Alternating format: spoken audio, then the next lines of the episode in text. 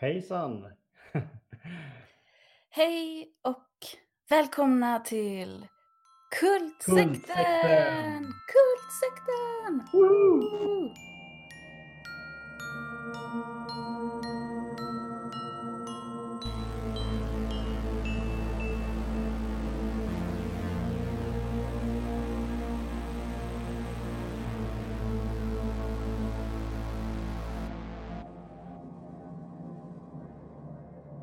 Eh, vi har för första gången så sitter vi inte på samma plats och spelar in. Nej, var sitter du eh, någonstans? Jag sitter hemma i mitt kök. Ah, i och köket. Var det har- där? Men då, då sitter du bredvid diskmaskinen som är igång? Nej, diskmaskinen är tre meter bort eller någonting. Ja, men Och, den, ja, och jag har, det är en tyst diskmaskin. jag har täckt den med en eh, handduk så jag hoppas att inte den hörs för mycket. nej, okej. Jag, jag sitter, jag har faktiskt pyjamas på mig, jag sitter i sängen. Ja, jag är så Mm. ordentlig så jag har kläder på mig. Mm. Alltså- Ja, men du är lite så uppsträckt. Det känns som jag är lite mer sladdrig. Eh, hur är det med dig? Det är bra. Det, det är bra. Ja. Det är Själv? bra. Ja, men jag, tycker, jag, jag tycker den här coronapandemin har varit rätt lugn, men jag, nu börjar jag känna mig lite sådär. Jag vet inte vad som förväntas av mig någonstans. Jag känner mig Mm. förvirrad. Jag har väldigt svårt eh, att planera framåt faktiskt. Ja, jag, det, det har inte stört mig så mycket. Jag tyckte så bara, "Ja, men jag kan ta en dag i taget. Men nu känner jag att nej, jag vill veta om jag ska jag få liksom, eh, ska jag bli permitterad, ska jag få sparken, vad ska jag göra, hur och när. Det hade varit jätteskönt att veta. Mm. Ja. ja, men du vet. Känns som lite... Nej, jag vet inte. Ja, men det är lite, så- om, eh, lite så här känslan av att eh, för något, något år sedan så satt jag på Sankt Knuts torg och så tjuvlyssnade på ett grälande par. Och Ja. han, han var så här. Hur kan du bry dig om sån skit som att deklarera? Så här, jorden kommer ju ändå gå under inom tre år. Det kommer starta ett Eh. nytt världskrig. Och Ja. jag skrockade glatt åt detta. Eh, men, men nu börjar jag känna ungefär samma sak. Liksom. Att så andra saker blir meningslösa, eller? Att det Ja. tappar, ja. Men det är svårt att känna sig motiverad. Vi håller på att göra en bok också. Jag skulle jättegärna vilja jag skulle ha en stor fest med den och så. Men, Mm. ah, nej, men jag, Men vi får ta och... eh, det Men vi vet kan, måste- en, sak, en sak vi kan göra är att se på skräckfilm. Ja, absolut. Men jag måste ha ett coronagnäll först till för Mm. det. Ja. Japp. Jag har fan alltid ont i huvudet och känner mig lite smårisig. Och sen så har jag det, så alltid lite så här täppt i näsan. Och jag tror det är stressrelaterat. Men hur fan ska jag reagera nu? Jag vet aldrig när jag är förkyld förrän jag får feber liksom. Får jag lov att gå Mm. ut och träffa folk? Jag känner väl lite samma sak. Jag pratade med några andra föräldrar om det också för någon dag sedan. Att man har liksom alltid lite ont i halsen när man vaknar. Ja, ja men precis. Man har barn på, små barn och så. Det är konstant eh, illabefinnande. Vad fan ska man göra liksom? Ja, Ja. Dessutom, ja, jag har också alltid lite så här stress, ont i magen och det är ju också ett symptom. Vad fan? Ah, ja. Mm. Men som du säger, man kan ändå se skräckfilm. Och vi Och har nu- sett The Ritual. The Ritual! Och, Och, den hade vi, egentligen hade vi tänkt att vi skulle gå in på satanism nu. Men sen så har det ju varit lite problem eftersom vi är isär och så. Vi hade svårt att fixa fram samma satanistiska film bra. Mm, Så det fick bli andra religiösa monster. ja, lite eh, Ooh. häxkonstaktigt kan man väl kalla det i alla fall. Mm. Ska vi gå igenom handlingen? Mm, det gör vi, men vi säger inte vilka gudomar som är med än va? Utan det sparar vi lite grann på den karamellen. Vill du spoila det så har du min tillåtelse. Jag litar på ditt omdöme. Men jag kan hålla tyst om det. Ja, men vi kan säga så här, det utspelar sig i Sverige. Ja, och det tycker jag är en av grejerna med den här filmen. Det var en av anledningarna till att jag tyckte den var bra att se. Mm. För- oss. Och jag tycker det är, jag vet inte varför det är så roligt, men jag tycker alltid det är roligt att höra vad folk från andra länder tycker om Sverige och, och nu då se en engelsk film som utspelar sig i Sverige. Och det, ro- det roligaste är ju att de eh, hatar Sverige. tycker jag är superskojigt. Men ja, det börjar i alla fall i, eh, i Storbritannien på en pub. Um, fem vänner va? Fem Mm. Killar, grabbar. med, ja, eller så här, lads kallar de sig. Vad kan de vara, 40-årsåldern? De har varit Eh. kompisar sen typ universitetstiden. Och, Ja, eh, och de- nu, de men, men nu är de liksom vuxna och har barn. Fruar och Ja. så. Liksom. Och ut och super, och de verkar ofta vara ute och supa tillsammans fortfarande. Det är den pubkulturen liksom. Mm. Och så diskuterar de vad de ska göra på semester. Och eh, en kille som heter Rob i gänget, han vill gärna gå Kungsleden i Sverige. Men de andra hellre vill åka på olika supersemestrar. Ja, de andra vill till Amsterdam och Ibiza och Berlin. Och. Las Vegas och äh, liksom. Mm. Och han bara, mm, Kungsleden. Mm. Eh, svenska fjällen, yeah. Jag tror det är fjällen, jo men det är fjällen. Jag är lite Mm. dålig på allt som ligger norr om Helsingborg. Malmö. Jag har ingen Mm. bra känsla för Sverige tyvärr. Jag har aldrig till exempel fjällvandrat och inte varit så mycket norrut heller. Jag har åkt skidor några gånger. Har du? Idre till exempel. Ja, Shit. och Sunne. Ja men just det, det visste jag. Ja, ja. Mm. Eh, I Sunne, har... kan man åka skidor i Sunne? Ja, eller? Ah. Men jag, vet, jag, jag, har lyftat igenom Sunne, jag har lyftat igenom Sunne en gång. Oh, det måste jag berätta. Och det ösregnade och jag hade ingen regnjacka. Jag hade bara så här ylletröja. Så, vet hur, hur um, tung ylle kan bli när det regnar. Mm. Så det var jag och min sambo. Till slut var det så här bara, men vi ger upp. Vi var precis utanför Sunne. Vi måste ringa dem vi ska till och så får de fixa att någon kommer och hämtar oss. För det var liksom inga bilar på Mm. vägen. Mm. Bara mitt ute. Så vi gick och knackade på en stuga för att be att låna, för att låna telefonen. Det här var typ 99, 2000. Alltså så vi hade inga mobiltelefoner. Eh, och då öppnar en man eh, utan tröja med en jättestor böld på magen. Alltså det här Eh. låter väldigt mycket som en skräckfilm. alltså. Ja men det var, ja precis. Inne i rummet på en säng sitter en kvinna, så en, en, antagligen hans mamma, som inte kunde se. Och på golvet står en liten knähund och skäller konstant. Ja. Och så bara vi så här, bara shit vi vill inte alls gå in här. Och bara, eh, får vi låna telefonen? Och han ville inte det. Han stod med sin böld liksom. Mm. Men i alla fall så fick vi låna telefonen och så gick vi in och ringde dem. Och sen kom det, någon av deras grannar kom och hämtade oss. Så det var ju schysst. Men Mm. det, Sunne för mig, jag trodde inte att det var, jag trodde inte det var någon skidort. Jag trodde typ det var eh, skog och monster. Jag trodde det var en, jag trodde det var en klassresa dit i, i högstadiet måste det till och med varit. Så. Ah, ja. Men eh, en sak som jag direkt störde mig på eh, Mm. i filmen Mm. var ju att, eh, ja, det är av säkra budgetskäl, det är ju att den inte är inspelad i Sverige eller något så liksom.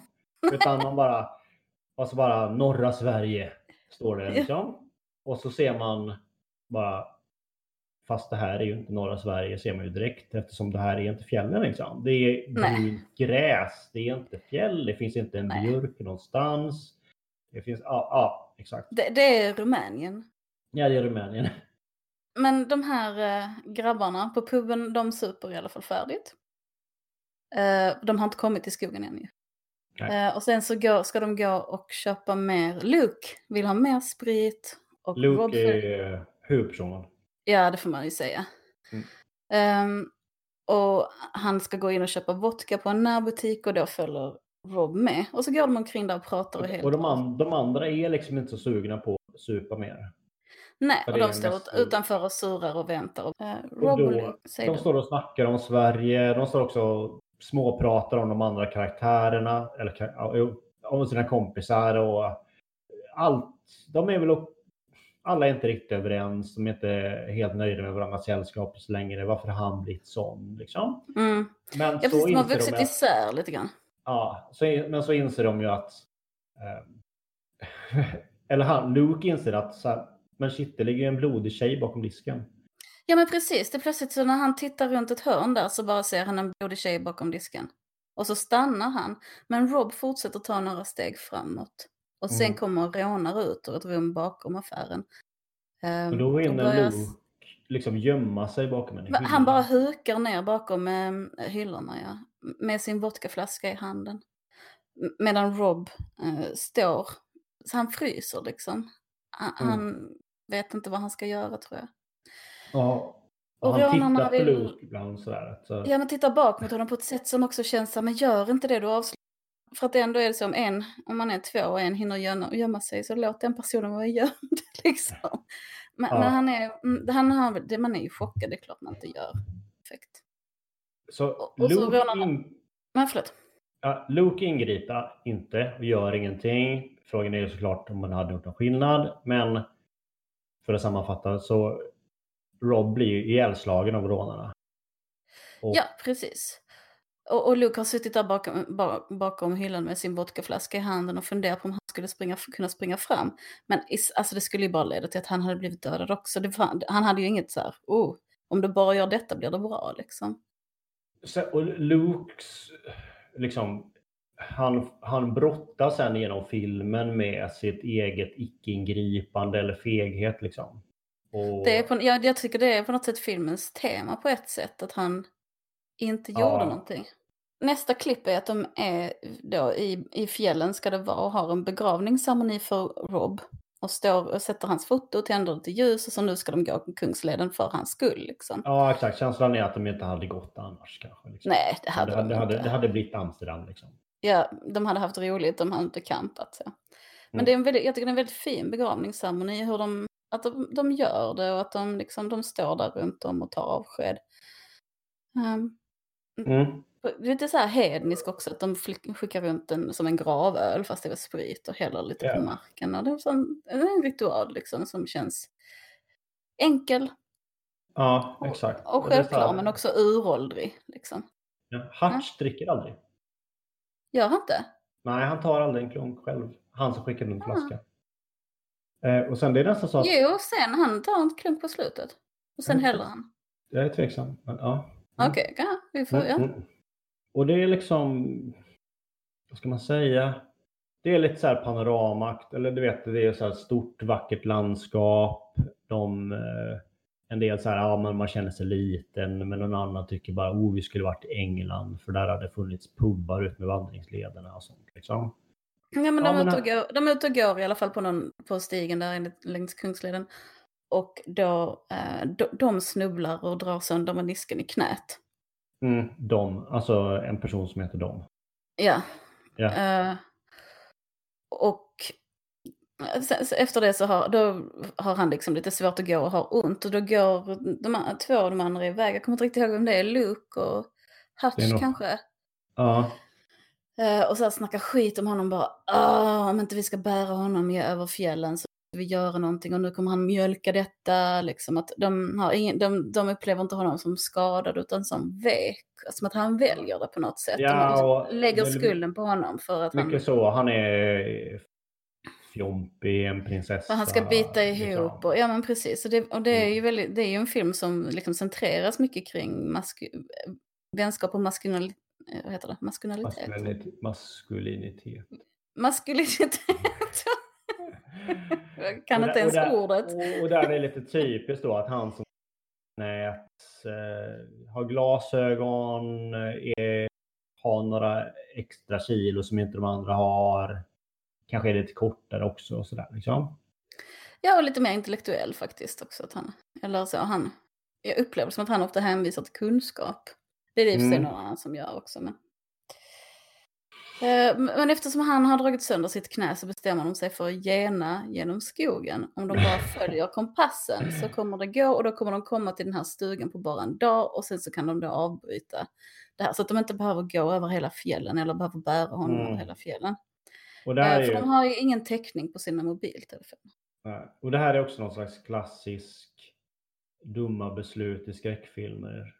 Grej. Ja, och det är också- Bara, eh, som att om det vore snabbare och lättare att gå genom skogen, vilket, någon säger också, så borde Ja. det, så det vore det som var vägen i så fall. Liksom. Ja, ja precis. Och sen är det ju också, eh, Kungsleden är ju, alltså jag tror det är max två mil mellan stugorna Mm. eller något sånt. Så det kan inte vara mycket längre än en mil att gå. Och det kan ju en person, alltså man är, det kan man ju springa om man är i form och ringa därifrån eller få hjälp. Mm. Alltså, så att, ja. Jag tycker det är alltid så synd när själva grundpremissen haltar lite. Grundpremissen kan halta lite grann, precis som dem. Men eh, det, det, det är också känslan av att han som driver på för att de ska gå in i skogen, han kanske inte riktigt tror att det är en enväg heller, utan han vill ha lite mer äventyr. Han vill gå lite offroad. Liksom. Ja, Så, det, så det är inte riktigt säkert att han tror att det här kommer gå snabbare och lättare heller. I min känsla. tror du inte det? Nej, nej. Det är Hutch som vill det, eller hur? Ja, exakt. Mm. Och Hutch det där- är mycket så här ledaren som håller ihop. Det här måste vi göra. Nu får inte, vi får inte få panik och sådär. Mm. Liksom. Det, Men de det- går i alla fall in i den här jävla skogen och genast ser de vad de säger är en, en upphängd älg. Som Mm. hänger och blöder med tarmarna på marken uppe i ett träd. eh, men innan det upphängda djuret så är det en sjukt bisarr grej faktiskt. Fast som inte är speciellt skräckinjagande. Det är att det finns en gammal folkabuss som står Ja! mitt ute i Sarek nationalpark. Ja. Eh, Och så bara- säger de, säger de alltid det här jävla landet är en gammal relik. Eller något i den stilen. Jätteroligt. Ja. Bara- men så tycker jag ofta det är också om man har varit i skogar, inte för att jag har varit jättemycket. Men att man hittar lite konstiga saker. Så här, från, Jo, men jag, jag har varit mycket, i- ganska mycket i skogen. Men det är ju mer liksom, i närheten av Göteborg och sånt. Och, och där, förr i tiden så var det ganska mycket så att man åkte ut och ställdes skräp i skogen istället för att köra, för att det fanns inga soptippar och sånt. Liksom. Det finns liksom lite samma bil- som man slängde saker i havet också. Det var Ja, det, liksom, det fanns liksom bilkyrkogårdar här och var. out of sight, out of mind. Du, du, du, Ja. du, I Sarek finns det väl inte en bilväg på Nej, 10 mil liksom. nej. Men men skitsamma. Okej. Ja.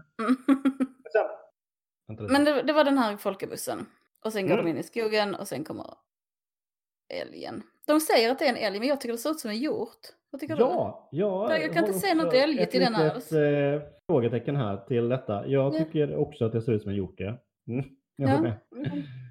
Det är mycket Men det är ändå att- stor skillnad. För att jag menar, hänga upp en älg i ett träd är en jättegrej. Hänga upp en, en hjort i ett träd skulle... Alltså det skulle jag klara om det knep. Liksom. Mm. Eh, Men, men det är väl en-. Ja. ja, men det är ett par hundra kilos skillnad liksom. Men så ganska snabbt blir det ösregn och mörker och de ser någon runor på något träd. Och... Mm. Det är spooky, måste det är säga att ja, men det är spooky, det är läskigt. Det är så här, eh, det är mörker, det är regn, det är åskar, det är skog.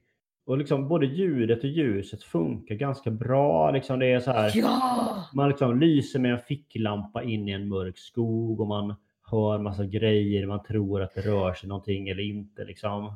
Det funkar. Det är läskigt. Det funkar väldigt, väldigt, väldigt bra, tycker jag. Och jag älskar den här grejen med att man, alltså sån här storstads... eh, eh, Jag är inte från någon, skog som sagt, men jag har varit tillräckligt mycket i mörker på landsbygden för att veta att om man vill att människor ska hitta en så tänder man en lampa.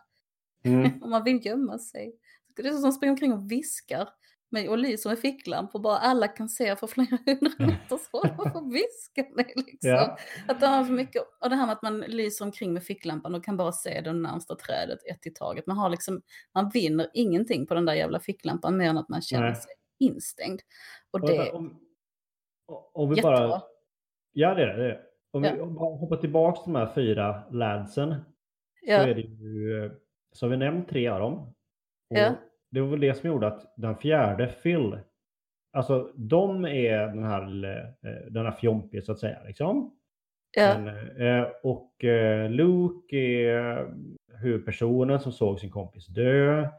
Hutch är den lite ledargestalten. Och den Ja. fjärde personen, Phil, han syns och hörs inte så mycket. Och det gjorde att jag började, i sådana här filmer så börjar jag nästan alltid fundera på så här, vem kommer dö först? mm, Och där, Ah, okej. där, där blev jag positivt överraskad då. För att jag Ja. trodde nämligen, jag gissade fel, jag trodde att det var Phil som skulle dö först. Men Phil är min favoritkaraktär i hela filmen faktiskt. Jag tycker han, är, Mm. han är absolut den bästa. Mm. Eh, så den som jag är mest intresserad av och den som jag tycker... Jag tycker kanske också han spelar faktiskt bäst och han har, Ja, han har väldigt mycket att komma med på något där sätt. måste Eller jag där- säga att tyvärr så är det så att Luke spelar ju sämst tycker jag. Ja. Eh, och han är också kanske den som är mest så här stor skådespelare om jag har fattat det rätt. Han är, vad sa du? Han är den som liksom har så lyckats i Hollywood och så av dem, om jag har fattat det rätt. Ja, okej. Okay. Så att det Mm. kanske är så att han är lite så här stjärna, dragplåster. Men jag tycker också Mm. han är, eh, de, alla de andra är ju riktigt bra. Alltså Mm. riktigt bra, och framförallt han som spelar Phil. Men eh, Luke tycker jag också är... Framförallt liksom hans, det är som att han bara har en min. Liksom. Han har bara ett sätt att reagera. Och, Eh, Jag har sett lite så- intervjuer med dem också. Han, är, alltså, han och kanske regissören är ju väldigt mycket drygare än de andra. De andra verkar rätt så trevliga, men han bara... Mm. Mm. Jag förstår man är övertrött och så man sitter på filmfestivaler och ger hundra intervjuer. Men liksom, är du där så måste du svara på frågorna. Nej men också, man är väl också engagerad i det man har gjort för det mesta, tycker jag. Alltså jag kan vara, om jag till exempel har vet, skrivit en bok eh, och Ja. blivit intervjuad så kan jag jävligt, vara jävligt trött när intervjun börjar. Men det är kul att prata om liksom, ens arbete på något vis. Så då blir man ändå Ja, men det gav han verkligen inte intrycket av att tycka. Och jag tänker, även om man inte tycker det, så att man möter, man måste liksom möta publiken eller inte. Man kan också säga så att alltså jag kan tyvärr inte Då ge väl- intervju då får han just väl- nu. Då får han väl spela liksom, han är skådis. Ja. Nej, men, det, kan, men man kan vara för trött, men då får man lösa det på något annat sätt än att sitta och vara dryg och störig. Alltså, Mm. De är ganska dryga mot varandra för övrigt. Ja, Men- det är en jätteintressant dynamik. Mm, det är det. Vad sa du? Du får säga mer, jag pratar så mycket. Ja, eh, de är ganska dryga mot varandra. Hackar lite på varandra på ett sätt man kan göra när man har känt varandra ganska länge. Och Även går varandra liksom- på nerverna. Ja, och går varandra på nerverna. Och den, även när de har när de egentligen har andra saker att oroa sig för och är ganska rädda så kan de ändå tracka varandra ganska mycket. Ja, på ett sätt som gör att alla blir mer otrygga. Och det, det är Mm. när, när de drar sönder sin menisk, det är så typiskt att de går iväg och snackar skit om honom och kommer på en lösning utan honom. Mm. Det är Mm. liksom där, det är där, där sätts liksom tonen, att de gör så, då, de två ledarna eller de som tycker att de bestämmer. Liksom. Så ska man ju absolut inte göra. Mm. Gör upp planen tillsammans med den som är problemet, har problemet. Liksom. Ja, Alltså, men de inkluderar aldrig varandra i saker. Nej. Eh, Och- och där är ju de här märkliga, det är den här märkliga grabbkärleken som liksom aldrig når fram. Att de, de kan liksom inte vara kärleksfulla mot varandra. Nej. Det är jättesorgligt, tycker jag. Och- Och, och hemskt. Och, och det gör skräcken så mycket värre.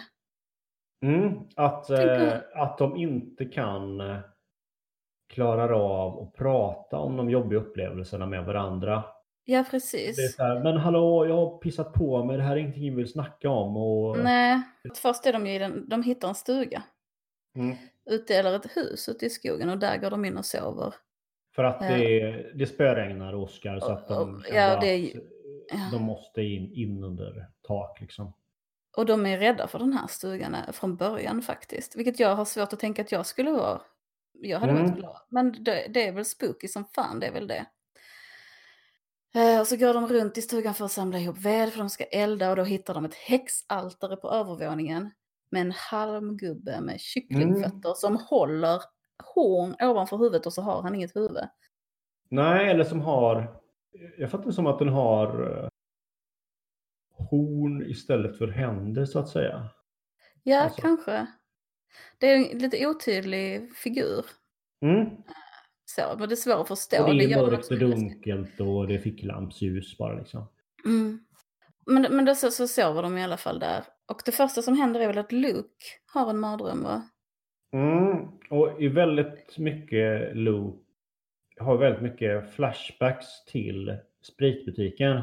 Ja, han har PTSD, alltså han har posttraumatiskt skräcksyndrom som du ville den här podden skulle heta. Han har det hela tiden. Ja. Exakt, Ehm. att han eh, på olika sätt eh, återupplever eh, mordet på kompisen. Liksom. Ja, Och, eh, och hans mardröm är att han går ut i skogen. Och, eller han går ut genom dörren till ut i skogen, men där är inte skogen utan där är eh, närbutiken, där rånet skedde. mm, Och så går han ut där Mm. och smyger fram och tittar på sin kompis när, vad som håller på att hända liksom. Men det är också så att han, när han tittar ut och han är den som... När de ska in i stugan så tycker han, eller han ser saker som är ute i skogen också liksom. Uh, ja, att- precis. så att att- det är en sån så- bland... Det, men exakt, det är en sån blandad verklighet. Och sen plötsligt bara sugs hyllorna bakåt och dras bort mellan grenarna och träden är liksom sönder och grenarna hänger där och dinglar. Och han Mm. på något sätt vaknar och har sår på bröstkorgen. Och är helt Mm. så här, bara, "Åh, vad var det som hände? Och det han vaknar av är att någon skriker där inne. Och vem är det som skriker? Jag kommer inte ihåg. Är det? Det är är nå- Hutch, någon som- Är det Hutch Ja. som skriker? Ja, Ja. han ligger och har en mardröm och sen när han vaknar har han kissat på sig. Ja, och de ligger och skriker på sin fru Gail. Och, Och han är helt okontaktbar, de får inte, de får inte honom att vakna liksom. Mm. Alltså det tar lång tid. Så alla har någon form av mardröm. Och Men vad- den- Var då är Phil? Har du glömt det? De är av med Phil. Ja, ja, de hittar inte Phil. Phil är på ovanvåningen vid och ligger liksom naken och vad säger, säger, knäfaller framför den här halmgubben och liksom ja, tillber den. I en bedjande pose. Ja, där är något så oerhört utsatt med hur han sitter och hur han... Mm. Alltså han sitter liksom på knä men han sitter också lite så snett som att han har svimmat ner på knä. Och Mm. han ser så kuvad ut. Hela hans kroppshållning är liksom Ja, fantastisk. För han är inte medveten heller om vad han gör. Nej, nej. Och så Eh. väcker de honom och sen går de från den här studion. Mm. De packar för att sticka och han... Ja. eh,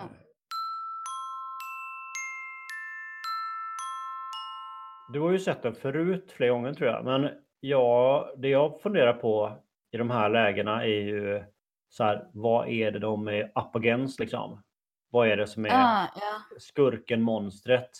ja. Eh, och det jag tänkte på i de här lägena och associerade till var inte några nordiska gudar eller så eller eh, troll till exempel utan så här, mer keltiska grejer faktiskt. Eh, det, Men det finns som- någon, Mm. det finns ju någonting som kallas The Horn God, någonting, någonting som är Mm. I Slain också med hjorthorn.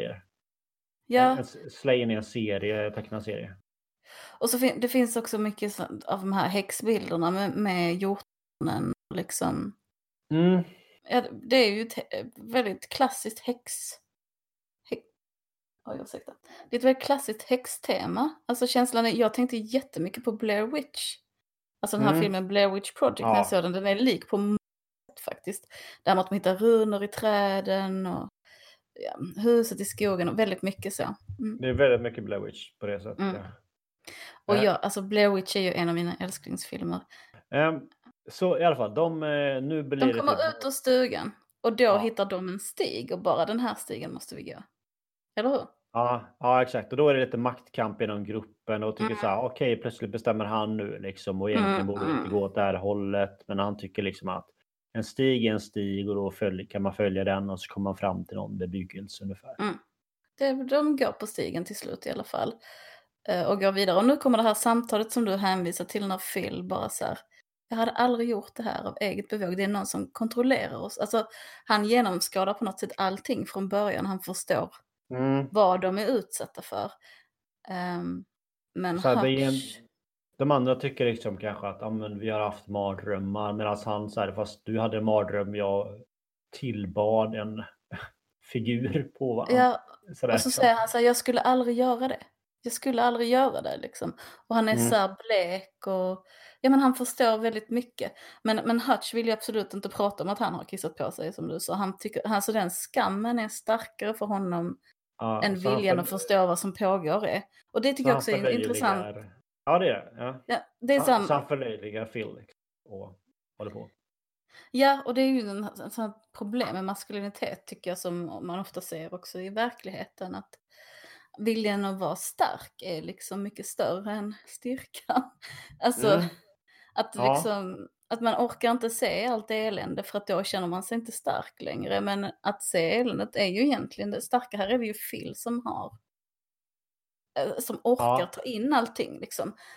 Men se- sen är det faktiskt att Luke också vill prata om det. Ja, Men det är de, det frågan, de vill inte och Hutch vill inte. Och det stämmer ju inte med Duke som, skå eller Luke som skådespelare. För att han, han spelar inte en person som vill prata om det. Så det, Nej, Det är Det- lite där- illa gjort och det är bara, det är bara ord. Liksom. För med Phil känner jag det verkligen att han vill prata om det. Han fattar exakt. allting. Ja, ja, jag håller med.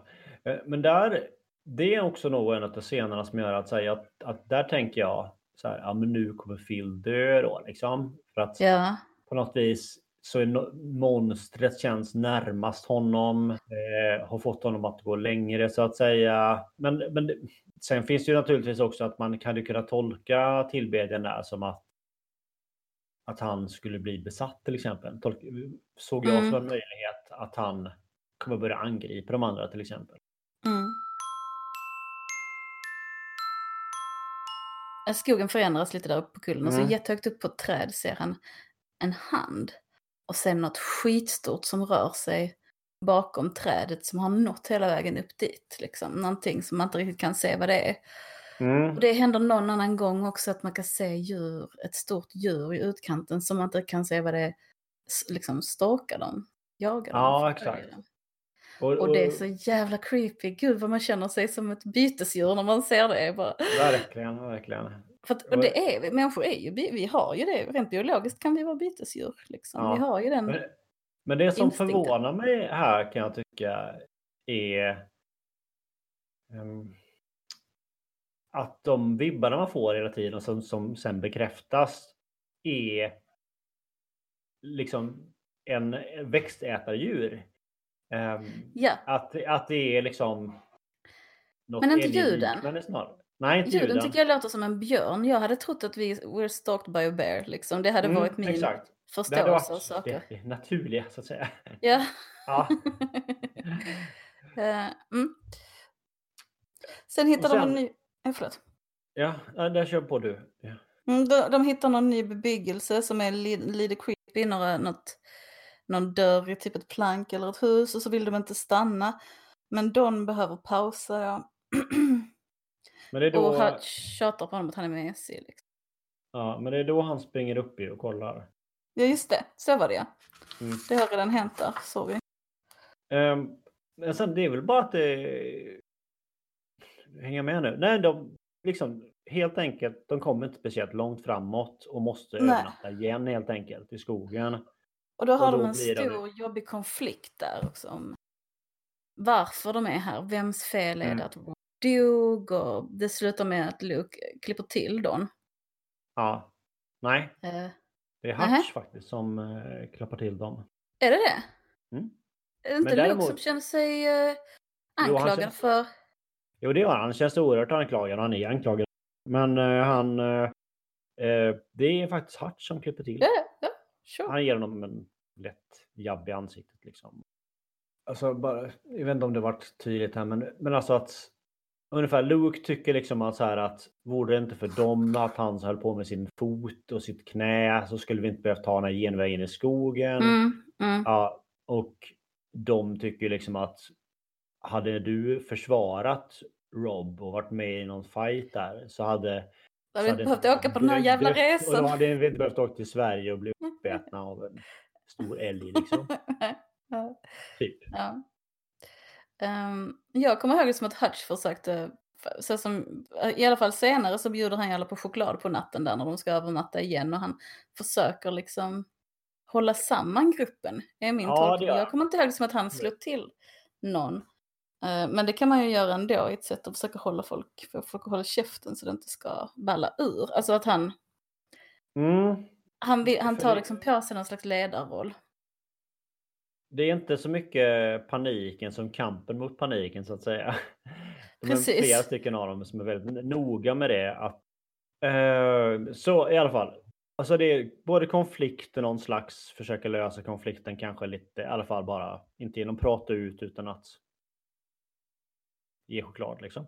Mm. Men, och Och där är någonting ju- så himla fint för, hur, hur, naturligtvis, nu, an, de blir angripna igen under natten. Men, men det är ju någonting väldigt fint i hur de spelar det när han får choklad. Den här förvåningen över att är vi fortfarande vänner? Alltså där är mycket så här, den här chokladscenen är väldigt, ja. alltså det- ens hjärta brister i verkligen man ser hur ensamma de är och det görs Ja. väldigt, väldigt bra. Ehm, ja, och här Ja. eh, nu kan vi säga halvvägs in i filmen så eh, blir de liksom fysiskt angripna första gången.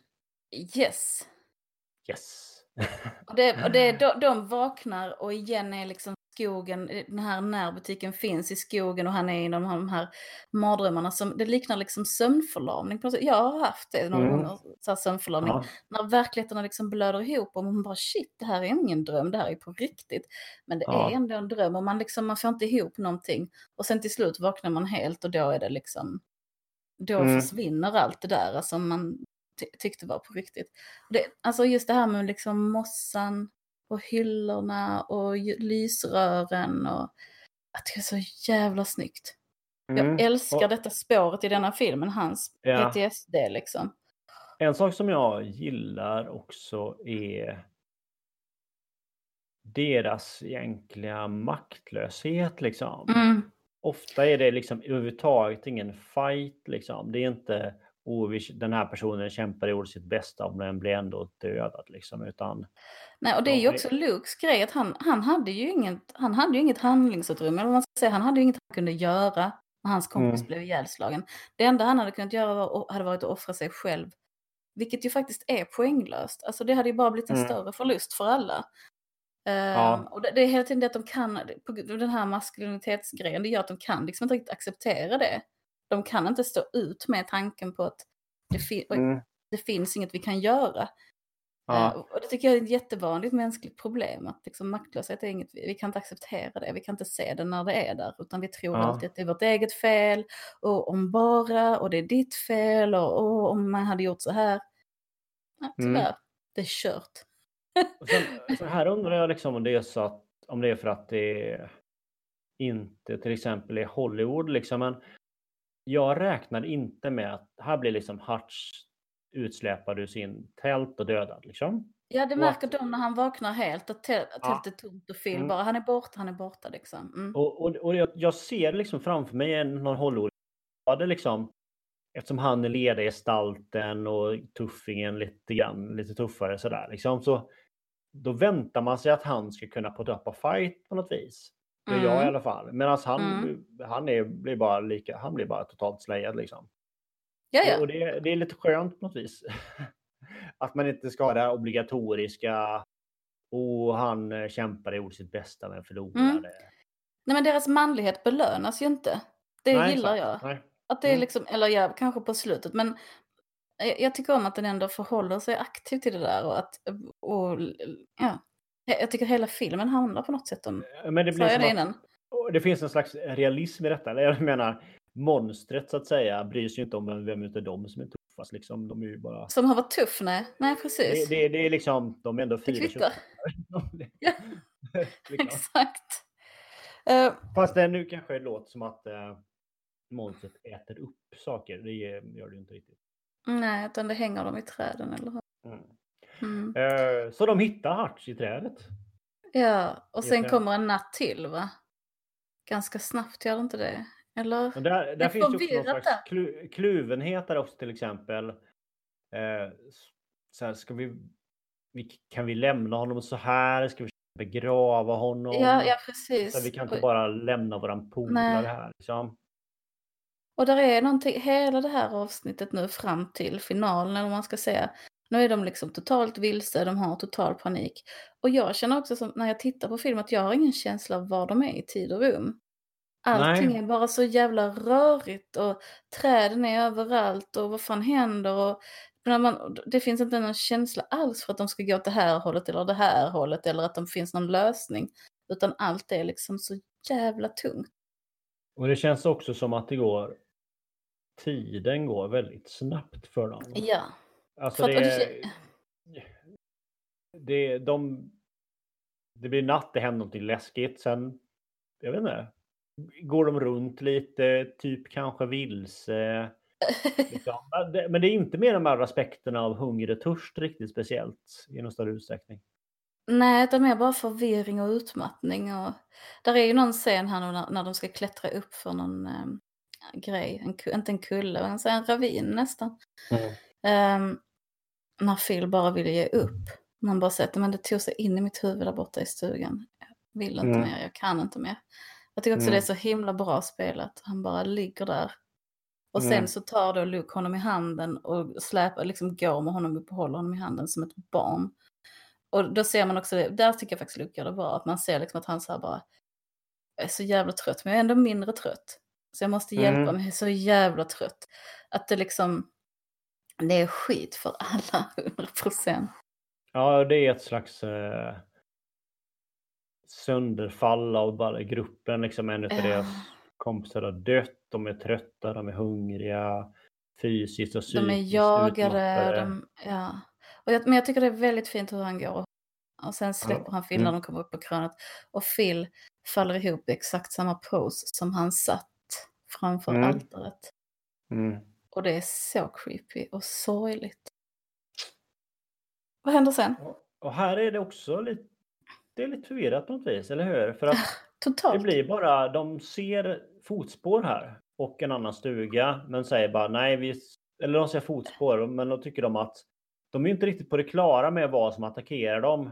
Så att någon tycker liksom att nej, vi, det är bara deliverance här liksom. Det är hedningar som eh, Jag tror att de också här nu, ja precis, jag tror att de här nu under månaden har hittat lämningarna från en familj som var och campade. Just det. Alltså ja. tält och skor och lägg och foton. Och ja, men det var nog innan Hutch dog tror jag. Ja, så att de är ju väldigt uppskrämda av det och har en känsla av att det är människor som förföljer dem. Så de vill inte, Mm. och det gör, det gör ju situationen omöjlig för de kan ju inte, räddningen är ju att hitta en människa liksom. Det är den enda Mm. chansen de har. Men de, de kan inte lita på människorna de hittar. Så det, det, är liksom, Ja, exakt. det spär ju på det här klaustrofobiska, fruktansvärda, att de bara är... Ja. Och sen blir det helt enkelt natt igen. Och då är det Phils tur att bli dödad. ja, han blir också bortsläpad. Eller hur? Mm. Ja. Nej, vänta, det är de som blir bortsläpade, men sen hittar de dem under rot. Och sen dör Phil på Ah, något sätt. Okej, jag hänger inte med där. Det är, ja, det är, det är, Ja, nej, men det går inte att hänga med. Jag gillar det skitmycket. Man Mm. sitter så här, vad händer, vad händer nu? Vad händer nu? Precis som att det var en paniksituation. Liksom att man, det är allting här- bara, man får det är PTSD själv liksom. Det är mycket ficklampa i en mörk skog liksom. men vilka, men det, det slutar i alla fall med att Phil dör och um, vad heter Luke och, Och de, vaknar. Försöker, de försöker liksom fly, eller vad ska man kalla det? De Ja. försöker, och, och då hittar till slut eh, en slags upplyst väg. av Just det, där har de gått innan. Och då, då ger de liksom upp och går och knackar. Visst är det så? Jag kommer inte ihåg riktigt. Det är så mycket som händer. Eller öppnar dem tror jag bara helt enkelt. Och Okej, då ja. så... Eh, och då dyker de första eh, människofienderna upp. Och de ska prata svenska, men jag satt och lyssnade allt vad jag kunde. Jag kunde höra ett ord. Kunde du höra det? Det är någon slags allmän... Eh, eh, Det är bara mummel. Bara. det, det är lite någonting som ska låta lite. Eh, däremot så är det någon slags jojk eller så. Som är på någon skiva. Och det störde mig som fan. Ja. Ja. Var det en jojk? Jag är inte så bra på det. Jag visste inte om det var, var någon, an, eller någon annan typ av så etnisk musik, eller om man ska säga ursprungsbefolkningsmusik. Det Mm. störde mig väldigt mycket. För jag, jag tror, det här är min teori, det har ju kommit den här filmen Midsommar. Mm. Som också handlar om en skogssekt i Sverige som är hemsk och dödar folk. ja.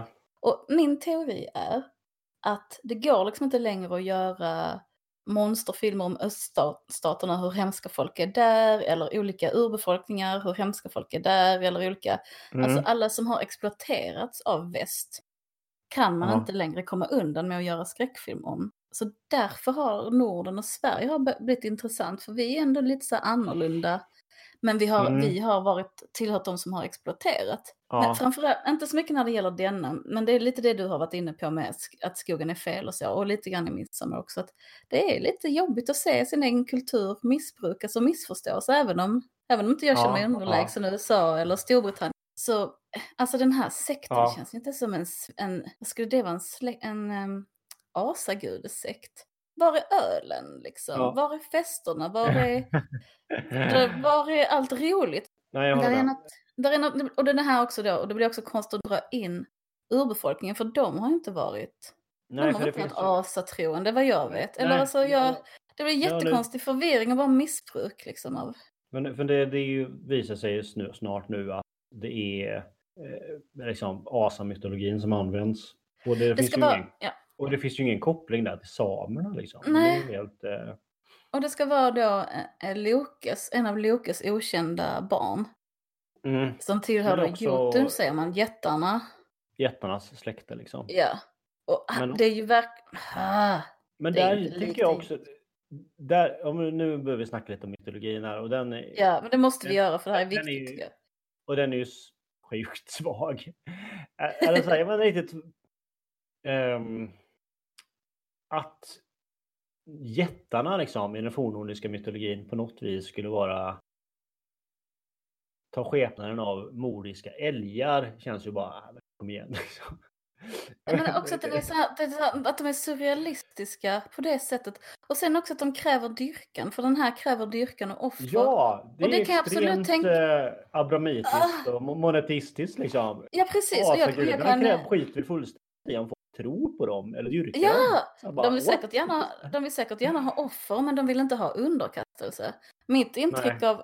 Jag har, tycker jag ändå har läst en hel del och brytt mig en hel del om, om asagudarna, för jag tycker de är roliga för att de är liksom Mm. anarkister och så. Ehm, och mitt intryck är ju att de, alltså underkastelse är ingenting man belönar eller på något sätt ser som användbart i hela den mytologin. Nej, exakt. Nej. Det är mycket bättre att kunna dricka mycket öl som du att Det var, ja. Ja. du hade ju någon, någon his- helgonhistoria där. Berätta. ja, just det. Jo, jo, men det var eh, när Sverige hade blivit kristet så skulle man eh, vill man ju också ha sina egna helgon liksom. Men då måste man ju, för att få dem godkända, eller det var, det var ju inte man själv som bestämde vilka som skulle bli helgon, utan det bestämde ju Rom liksom. Och då Ja. så skickar man så här folk stordåd. Och då kunde det vara sådana grejer som så här, den här snubben, dags, kungen då, han kunde dricka så extremt mycket öl så han borde bli ett helgon. Det kan man göra, men, för det var en gudomlig egenskap. Det kunde Tor kunde också dricka skitmycket öl. Så, Så att man hade liksom missförstått, eller man hade, vad ska man säga, blandat ihop vad som var bra hos asagudarna och vad Ja, ja, som ja, var precis. bra hos kristendomen. Liksom. Det var inte glasklart den kopplingen däremellan. Jag tänker också att det, om vi, jag vet inte ens om man kan prata om våg, alltså det känns som att det har funnits en skräckvåg ganska länge nu. ja, Och, eh, och att man kanske letar efter nya Mm. saker. Att man säger, okej men nu har vi kört på zombies, nu har vi kört på vampyrer, nu har vi kört på Frankenstein. Och då har man liksom, och då finns de eh, folktroväsena finns kvar, Mm. de nordiska gudarna finns kvar liksom. Men jag tycker ändå, även om, även om man inte har att göra med en, en kultur kanske som nästan finns längre och även om det inte är en exploaterad kultur så tycker jag att man ska försöka hitta, alltså om man ska använda det, om man ska exploatera det för sina egna syften så måste man ändå på något sätt förhålla sig till kärnan i det. Mm. Och jag, jag älskar detta monstret men jag skulle så önska att det inte hade något med asagudarna att göra. För att det Ja, bara jag- jag stör så jävla mycket. Säg bara att det är en knäpp sekt och ett knäppt skogsmonster. Det, för att Fine. mena, o- om man ska använda de här grejerna, liksom, så det är ju någon slags minimikrav kan man tycka där att förs- fatta skillnaden mellan Tor och Jesus. Liksom. Det är ganska... Mm, mm, Så- men exakt. Det är, skillnaden är inte bara att den ena har en hammare och ett kors, liksom, utan det är större skillnad än så. Ja, och det tror jag också har med... Ja, Mm. Men där, det, man kan, jag säga kan verkligen förstå dem. Alltså om man nu hade varit en kultur som hade exploaterats och utnyttjats av Mm. väst och de sen hade gjort sådana här filmer om en så hade det ju varit så kränkande. Ja. Nu finns det inget sånt arv så nu gör det ju inte så ont, det är bara störigt. Men jag kan verkligen på ett annat sätt förstå den, det här med kulturell appropriering efter att ha sett de filmerna, alltså på ett känslomässigt plan. Ja. Ehm, men nu känns det mer bara lite, lite B. Liksom. Fi- Ja. Filmmässigt sett så kan jag tycka att eh, det var en överraskning. Alltså. Jag trodde liksom att vi, när man var så pass långt in i filmen så Ja. trodde jag liksom att vi skulle få veta mer om monstret, det väntade jag mig. Men jag trodde inte det skulle dyka upp människor som var Nej. skurkar. Liksom. Nej, eller hur? Så det, så det överraskade mig, vilket är ju ganska Mm. bra. Det hade kunnat... eh, Det var inte vi, det, det var inte så här fantastiskt, men eh, ja. Nej, men jag, jag tycker också det är jätte, en jättebra twist. Och det är ett Mm. skitbra monster, superläskigt, så jävla snyggt och coolt och hur det liksom fuckar med en psyke och allting. Det är jättebra. Det är bara synd att liksom koppla det till asagudar. Det är där Mm, jag, det är man min enda. börjat... eh, hade man bara, Det är så onödigt.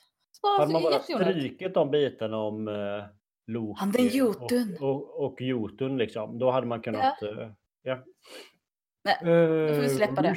Vi släpper det, ja. Ja, ja, de misshandlas kraftigt medan Luke får eh, vatten av en eh, creepy tant. Mm. När de har blivit fångade inne av de här människorna, eller hur? Ja. Och Ja. där är, det, det tycker jag väl också är lite intressant att det är inte bara så att oh, här har vi två offer till liksom, så vi ska offra. Utan Nej. på något vis tycker de att så här, eh, ja, men Luke, han kan nog bli en av oss liksom. Men det är för att Luke har de här märkena på bröstet. Han har ju blivit Jo, men- märkt av... För tanten drar ju sen ner sin tröja och visar en urringning med likadana märken på sitt bröst. Och säger Mm. bara, ja men vi är samma liksom, men de, de är inte, han ska offras. Ja.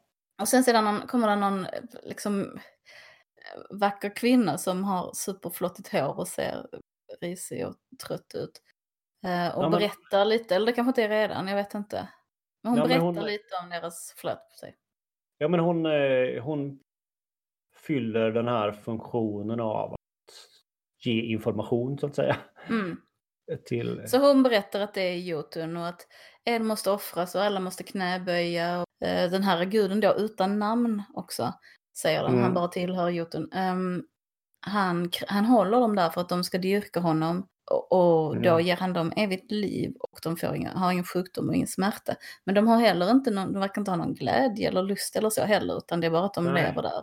Där är det i och för sig så som lite eh, Asa dödsriket lite grann kanske. Som inte är Valhall då. Kan det vara att, så här, att man har det rätt trist egentligen. Men, Någon slags helvete liv. kanske, ja. Jo. ja, men eh, man slipper dö och man lider inte Ja. så mycket. Liksom. Nej. Men, Men, eh, jag saknar festerna. Och, mm, mm. ja, Där är inget, Det- det finns liksom inget liv i den här sekten och det finns ingen... ingen allting är så här extremt grått liksom. Det är mycket varmal, det finns inga färger. De har aldrig tvättat sitt hår, de äter ingen god mat. De gör, alltså det är ingenting så. Det finns ingen schampo och ingen mjöd. Nej. Men efter de har misshandlat dem så kommer de tillbaka och får sitta i samma cell. Luke. Mm. Och då säger eh, de till Luke att jag har drömt detta. Det var det jag drömde, jag kommer att dö här. Och det vet jag liksom. Ja, Eh, och så säger han, men du måste överleva. Du, alltså han ger, han ger någon slags absolution till Luke som hela tiden har haft den här survivor guilt och varför gjorde jag ingenting och la di Ja.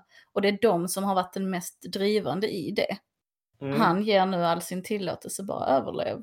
Du får lov. överleva och elda upp det här stället. Typ. Ja. Och då känner jag att det är väl samma sak som Rob hade sagt, liksom. Överlev, till att försöka stoppa Mm. dem. Ja. Så det är ju ganska fint. Det ger ju någon Mm. slags cirkel i. Och eh, så de blir då offrad. Men han, Mm. där är, kan jag tycka att eh, rent filmaktigt sett att han får lite, för då är han ganska tuff så att säga liksom. Han är, Mm. kom igen du liksom, get on with it lite grann. Mm. Inte, Mm. han är inte något gråtande vrak eller så. Ehm, Och det är väldigt Och- coolt. Ja, får se. Och, och eh, Luke liksom lyckas befria sig själv genom att bryta av, bryta av sin egen tumme och på det sättet kunna eh, komma ur sina... De har bundit hans händer bakom ryggen. Liksom. Luke eh, v- rafsar runt men de är där ute och blir offrad och det är väldigt filmiskt snyggt. Så springer Luke omkring in i det här huset där han har varit inlåst och på något ställe hittar han ett gevär och på ett annat ställe hittar han kulor, det är väl någon slags jaktvapen han hittar. Och sen Mm. springer han upp på övervåningen och där hittar han en massa lik som sitter, eller så här förtorkade skelettlikgrejer som sitter. mumifierade. Men, men, de Ja, men de rör sig också lite och bara så här. Ja. Är lite, Ja. mm. Så det är ju allmänt, det bara kommer lite så här levande skelett. Det gillar jag när det inte, det behöver vi inte Mm. förklara mer eller titta på. Men han tuttar eld på dem. Mm. Och sen springer han ut med geväret. Så skjuter någon av kultisterna och... Han, den här tanten som har visat sin bröstkorg innan, han boxar henne i ansiktet. Ja, Det ser ganska roligt ut. Alltså, ja det det är så himla förbjudet att boxa en tant. Ja, exakt. Vet, mäns våld mot kvinnor, men det känns ändå som att det var rimligt här. Han behöver ta sig ut. Mm. Eh, och samtidigt då börjar ju hela huset brinna och det här monstret liksom letar efter eh, kommer tillbaks liksom, undrar vad fan som händer. Mm. ungefär. Eh, Och står i en väldigt vacker så Studio Ghiblis silhuett mot elden. Mm. mm. Och känns där igen inte alls som ett rovdjur och inte alls som en gud på det sättet. Anna. Och då får ju den svekfulla snyggkultisten sitt straff Mm. också. Hon har ju tydligen, det är, ja. Och Hon blir, hon, han äter henne eller dödar henne fastän hon knäböjer. Och Det vet man inte riktigt varför. Mm. Och, Och sen eh, skjuter Luke den här guden också. mm. och då, det hjälper inte så mycket. Nej, Utan det är bara så här, vad fan gör du liksom? Ja, Eh, precis. Så han eh, börjar fly, blir kapphunden av monstret. Mm. Och han springer Så- där genom skogen och då är skogen igen den här butiken. Med de vita Ja. hyllorna och ja, korridorerna. Det är så snyggt. Ja, och sen så hade, där kan ju monstret mycket väl bara döda honom. Jag tänkte att den kanske skulle göra det faktiskt. Men, eh, Mm. men, eh, utan den, men den vill ta honom till fånga men vill liksom bara ha honom som en ny tillbedjare istället. Ja, precis. Jag trycker ner honom på marken så här knäböj. Upprepade gånger. Mm. Eh, Och det är väl, där är väl någon slags lösning av hans inre konflikt då. Där han ja, inte längre då är feg utan eh, inte går med på att bli eh, en till. Kuvad. Kuvad. Ja. Ja. Så han Och då- klappar till med yxan och springer iväg. mm. Och så bara springer han ut ur skogen. Och sen är filmen slut. Mm. Det var... det känns eh, jättekonstigt. Alltså, Ja, man det tänker att man ska få det. se någon helikopter komma och rädda honom. Men han bara står i skogen och skriker Men han- på monstret. Men, men han ser en väg, ja. Men, eh, Ja. Och då visar det sig då att monstret kan ju då typ, antar jag, inte gå utanför skogen helt enkelt. Utan att den Nej, är och- vis bunden till Precis. skog. Och jag tror också att monstret har haft en stark psykisk kontroll över den här gruppen som har varit i skogen hela tiden. De såg ju den här Mm. upphängda älghjorten genast. Så jag Mm. tror att när han fick yxan på sig så tappade han kontrollen över dem och då har de haft nära ut säkert hela tiden. Mm. Det ska inte ha varit en så stor skog. Så, eh, och där är liksom, jag tycker det också kan vara skönt att man inte liksom får se honom vackla in i någon Ja. fjällstuga någonstans. Ja. Den kan sluta där. Det är ändå, det som, det är ändå, det är ändå slut. Jag tycker också att det, ibland är det väldigt störigt när sluten kommer abrupt och oväntat. Men här tycker jag det är ganska skönt. Man är liksom med den då. Det var den filmen. Det var den The filmen ja. Ritual. ja. Vad tyckte du? Vad tyckte du?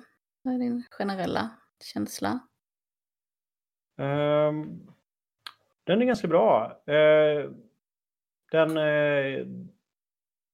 Framför framförallt så är den, den är bra på det den ska vara bra på så att säga, på skräck liksom. Att, eh, på att bygga upp skräcken i skogen. Ehm, sen är liksom karaktärerna och så, deras inre konflikter och deras konflikt sinsemellan är lite si och så och står det runt omkring och mytologin är ganska kass. Men, men eh, den är ganska läskig liksom, tidvis. Och, Mm. och sen, den hade goda förutsättningar att totalt klappa ihop mot upplösningen, men jag tycker inte den gör det, utan jag tycker den klarar av det. Det blir någon liten dipp tycker jag nog. För det är alltid klurigt det där med att man är rädd för någonting som man inte ser och får hitta på ett monster i sitt huvud. Och sen Mm. Är det lätt att bli besviken när man väl ser monstret. Liksom. Och, det, Mm, och det känner jag Mm. inte att, att de klarar det ganska bra. Tycker jag. Vad tycker du? Jag, jag, jag tycker också, jag tycker den är jättebra bild av, av också, som jag pratade om innan, det här med maskulinitet och problemen med maskulin, maskulinitet. Eh, och ka- kanske också i viss mån styrkorna och sådär. Ehm, men jag, jag vad heter det, Bechdel-test, heter det så? Bechamel-test brukar jag kalla det. Den klarar ju inte Bechamel, det. ja. Det är, ju, det är ju en väldigt grabbig film rakt igenom. Ehm, Mm. Och Det är en grabbig film som... ja, den vinner det på Handlar- många sätt. Men den hade, Den- för att den, ja. det är ett tema också. Men hade det kanske gått att göra den lite mer, alltså är det bara, ja, jag vet inte. Det är så mycket vita 40-åriga män, de är lika långa, de har samma kläder och när man sen såg intervjuer med alla som var inblandade så såg de också exakt likadana ut, alla skådespelare och författare och regissörer och alla. Och det blir Mm. litet. Så där är någonting, det blir endimensionellt av det. Mm. Sen tycker jag den är Mm. ärlig och fin i hur den utforskar den här gruppens speciella förutsättningar. Mm. Det hade varit fint med något annat. Liksom. Så jag, ska Ja, säga, jag säger att de är vita. Phil är ju inte liksom vit, vit. och när jag sett honom i intervjuer så är det lite så här rasistretande av honom eller han retar dem eller så. Alltså Mm. de har, det finns liksom mellan dem som personer. Eh, även om det inte finns med i filmen. Men i övrigt är, är det liksom, det är väldigt lika människor alla. Men delvis, eh, det är mycket... Eller så här. Eh, Alltså även i en situation där man har en film där man eh, har ett gemensamt förflutet, som är ganska vanligt, liksom. Man eh, har Mm. träffats. Så, så brukar man ofta ha låtit karaktärerna bli mer skilda åt med senare år. Men jag känner inte att man har gjort det här utan... Konflikterna är ovanligt- väldigt små. Ska de- vi gå, de- är ovanligt- efterfest de är eller inte? Liksom. de- De är ovanligt lika även för att vara lika Mm. så att säga. Mm, ja men ver- verkligen, och det var också för mig i början är är det väldigt svårt att skilja karaktärerna åt faktiskt. Mm. Ehm, jag blandar ihop dem hela tiden framför, Ja. alltså, så här, var det Hutch eller var det, Vad är det vem var det där? som sa detta? Och liksom, ja, men det, han märkt också nu att vi har olika uppfattningar om vem som gjorde vad ibland. Ja. Eh, för att det är inte så supertydligt. Mm. Och jag tycker också liksom, individualismens utrotning, det finns ju också, eller det finns något jättefint i det och i paniken och jag vet inte. Jag kommer inte ihåg om det var True Detective eller vad det var, men det var någon annans, någonting annat jag såg som också fick kritik för det här att det var väldigt manligt och väldigt mycket, när jag inte alls höll med, för jag tyckte maskulinitet som tema var tillräckligt där. Ja. Jag, är, jag tror att denna filmen hade vunnit för att inte vara, för jag tycker det känns som det kommer ur lättja. Och också när Mm. de pratar om, om hur de jobbar med maskulinitet och svaghet och så i, i efterhand i intervjuer så, så känns det inte som att de eh, riktigt fattar vad de håller på med. Ja, det låter Nej. drygt av mig. Men det känns ändå inte som att de, de har inte satt sig in i det där så mycket liksom. Jag vet inte. Nej, jag tänker att alltså, det är väldigt lätt att, tycker jag, liksom så här, säga att filmen handlar om manlighet. Men, för det- gör det väldigt mycket. Men det känns inte som att skaparna av filmen är riktigt medvetna om att det gör det. Förstår du vad jag menar? Det känns inte som att det är ett medvetet val. Nej, men jag tror, och den är också baserad på en bok och den bokförfattaren har inte varit inblandad i filmen så det är svårt att veta. Ja, att man, Men kanske nej. bara, man kanske bara tagit någonting. eh, Så Mm. säga. Mm. Jag vet, jag vet inte riktigt. Men där är, no, där är någon form av ytlighet i den som också är lite samma, att man har liksom inte brytt sig riktigt om kulturella ursprung. Och de har inte brytt sig om att det inte är en svensk skog. Alltså där är någon sån tafflighet. känns- Ja, exakt. Ja, samtidigt, jag tycker det är en jättebra film. Jag tycker Mm. verkligen mycket om den. Och som sagt, jag ser ju om den, jag har sett om den och jag, mm, jag, tycker, jag älskar det här läskiga i skogen och jag tycker PTSD är fantastiskt porträtterad och, jag, och liksom det här med att vakna och vara i andra verkligheter. Och, Mm. och, hur han sitter och, åh, jag tycker det är helt fantastiskt. Ja. Mm. Men om vi pratar, om jag nu bara hoppar tillbaka lite till karaktärerna ändå. Mm. Så en, en, det är ju väldigt... Vi får veta extremt lite av dem på många sätt. Alltså än att, för till exempel att vi vet att de har fru och barn va? Mm. Men det... Vi, Nej, det de har säger- fru och Hutch har barn. ah, fru och barn. Mm. Mm. Eh, men vi vet inte hur det är med varken Phil eller Luke tror jag. Jag tror inget Luke får man en känsla av att han är singel. Ja, Alltså det är bara en känsla, det nämns han- inte men det, han spelas han ju väldigt mycket som han är det. Ja. Mm. ja men också att han, liksom, han har, verkar inte ha haft stöd eller någon, han verkar ha varit ensam med hela sitt trauma också. Mycket. Mm. Som att han inte ingår i något sammanhang. Phil känns ju som att han har ett helt hemligt liv. Det vill vi bara inte veta om. Ja. Ja, det är spännande. Han kanske är liksom violinist eller någonting, vi vet Ja, inte. men det, det antyder ju på något vis också att filmskaparna har inte tyckt att det varit viktigt att berätta det för tittarna. Nej. Vad de har för andra relationer utanför grabbgänget liksom. Ja, så får det vara. Uh, hur känner, har, hittar du någon koppling till ditt eget liv? Har du varit med om något liknande? Nej, men det, jag tycker det är inte koppling till mitt eget liv. Det, alltså, det finns ju många kopplingar kan man säga. Eller så här, jag menar delvis. Det blir, kan vara intressant att relatera till sin egen skräckaktigt sätt, till sin egen relation till skogen till exempel, att övernatta Mm, i skogen, mm. att tälta och sådana grejer. Jag var med i Fältbiologerna när jag var yngre. Så och, Woho! Mm. liksom. eh, men man kan också, jag kan också relatera det till eh, kompisarna som man har känt sedan man var tonåring och hur det nu är med dem och sådana saker och, och sådär liksom. Här, Men på det psykologiska planet jag känna att liksom, nu är det så här att vi, när vi pratar om det här så är det alltid så att jag funderar på kan du använda det här till någonting? Alltså kan du känna igen Mm. känslorna och processerna? Och du pratar om kopplingar till andra saker som är liknande. Ja, Eh, det är återkommande. jag är så ytlig. Är... Ja, fantastiskt ytlig. Eh, Men känner du, du har ingen så att du känner med om någonting liknande eller att du har känner igenom paniken eller har varit inblandad i någon sekt eller så? Nej, ingenting. Eh, Du måste ha haft panik någon gång och blivit förvirrad. Ja, men det är väl klart jag har haft panik. Ja. Förvirrad. Um, Tapp, du tappa menar hur man- fast Det är in på den här eviga katarsis-grejen som jag är inne på. Kan du liksom Mm. ha, koppla det här och förstå dig själv bättre på något sätt? nej, det tror jag inte. Nej. nej. nej. Eh, nej, jag tror inte det faktiskt. Eh, tror- nej, men jag, fast, fast, jag vet inte riktigt. Det kan väl också vara att hur man förstår sig själv bättre. Det behöver inte bara betyda. Det kan också vara till exempel att man funderar över sin relation till sina tonårskompisar till exempel. Jo, Eller hur? absolut. Ja, Mm. verkligen. Mm. En sak som jag funderar över är ju om det, är något, det känns någonting liksom brittiskt med det här grabbgängsaktiga liksom. Jag vet inte riktigt. Det är, Mm. Pubkulturen och så. ja men Eh, också att så man här har att, ett gäng man hänger å- med. åka med ett gäng kompisar och supa Ja. någon annan, på en annan ort i en vecka. Ja. Ehm, Det förekommer ju såklart också. Men liksom en, för min del, det är någonting som man i så fall i tonåren liksom. Inte Ja, någonting precis, som ja. vuxna män gör riktigt. Men, eh, men det kanske är jag som inte gör det bara. Jag vet inte riktigt. Nej, Jag vet inte heller. Men det känns som att det, det hänger ihop med den här pubkulturen och ha ett gäng man umgås med utanför hemmet med Mm. the lads. Så.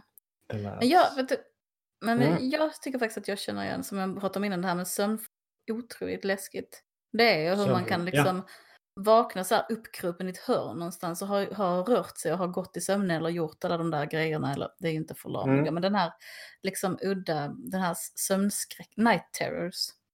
Ja. Det tyckte jag var så himla bra porträtterat och jag känner liksom hur jag kommer ihåg, jag får liksom flashbacks till egna night terrors när jag ser det. Mm, Och det- ja. Det kan ju kännas som att det är så superläskigt men jag tycker det är jätteskönt.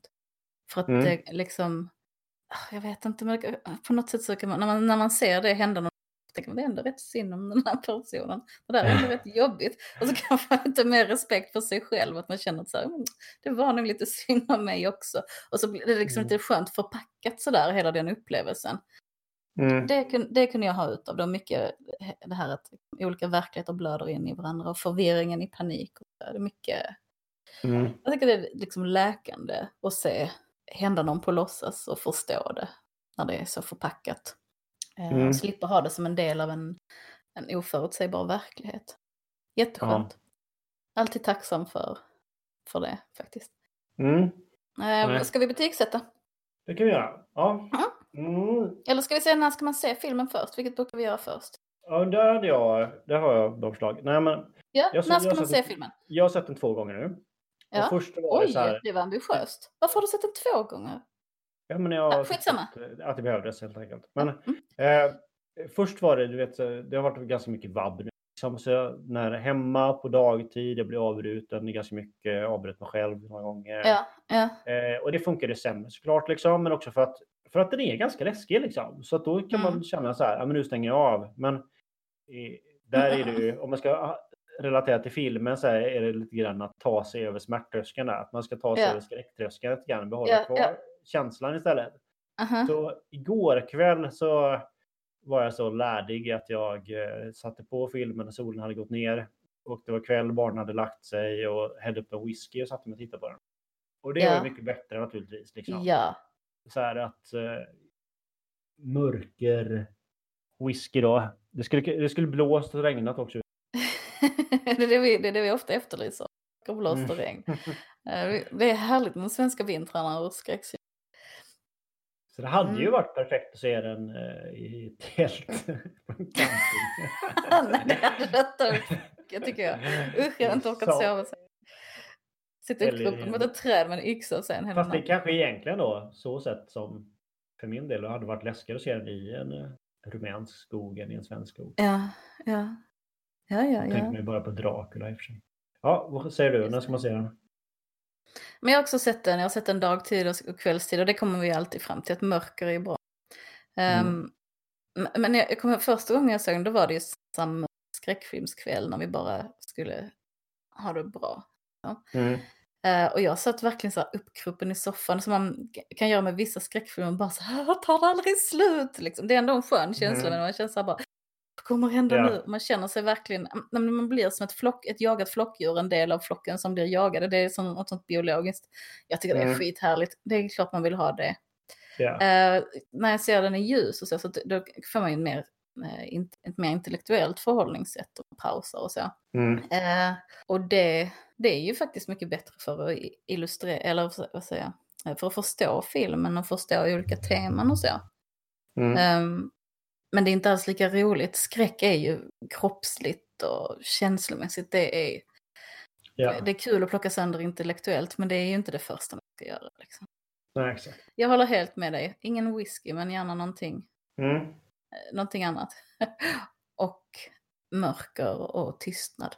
Betyg ska man väl säga att den eh, kanske får en sexa, sjua någonting.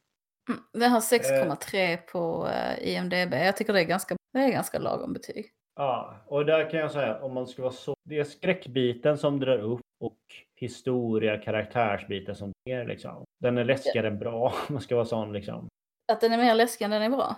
Ja, Ja, det är ett väldigt bra betyg tycker jag till en skräckfilm egentligen. Men Phil tycker Mm. jag mycket om. Phil tycker jag är en grymt bra karaktär. Alltså.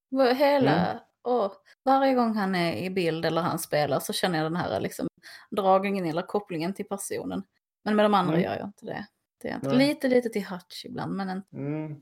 Hutchins för övrigt som att eh, han hade kunnat bli en sån klassisk actionhjälte. ja, Eller så hjälte-hjälte-person liksom. Det, det är, jag tycker att Hutch och de är helt okej. men om man ser Hutch i intervjuer så är han inte alls så. Han har lite sidben Ja, okej. med, Medans- med medans- marknadsföring på sin, liksom egentligen. Och, Ja, medan och lite Luke är tyvärr sämst ju. ja, absolut. Mm. Ja, men Hutch Mm. tycker jag också, är- han har ju som du säger absolut de actionhjälte-dragen. Mm. Ehm, men det är också någonting fint med hans ark. Hur han liksom hela tiden försöker vara konstruktiv. Och det Mm. konstruktiva blir mer och mer att plocka sig själv ur bilden. På något Ja. vis. Han märker att jag är, jag inte att ha här. Ja, Det, det är fint tycker jag. Osjälvisk. ja. Ja, det var den filmen va? Mm. Japp, säger vi. Ja, snart. Nej, eh, kanske någonting man vill se nästa gång. Har, har du några tankar? Eh, nej, eh, alltså jag... På sätt och vis är jag sugen på Satan liksom, måste jag säga. Ehm, Mm, jag också. alltså, jag Men hur får vi tag i en bra Satan-film? Det är det Ja, men vi kanske ska sikta på Exorcisten eller någonting. Min favorit bland alla dem är Rosemary's Baby. Men jag Mm, ser jag jättegärna. Exorcisten också. Och Omen Ja. tycker jag mycket om. Ja, ja vi får se. Mm. Vi ska tänka på vidare på Satan, eller om vi kommer på någonting annat. Det som, den som jag egentligen helst hade velat se, som också är en, en lite skog häxkonstfilm, är The Witch. För jag Mm. tycker den är, det handlar typ om en familj som sitter i karantän eller som har fått Ah. sociala kontakter. Det var Ja. passande att se nu när så många är avklippta från sina sammanhang. Men vi avslutar nu va? Det gör vi. Tack, Tack och hej. för oss. Hej då. Hej då! Hej då. Woo!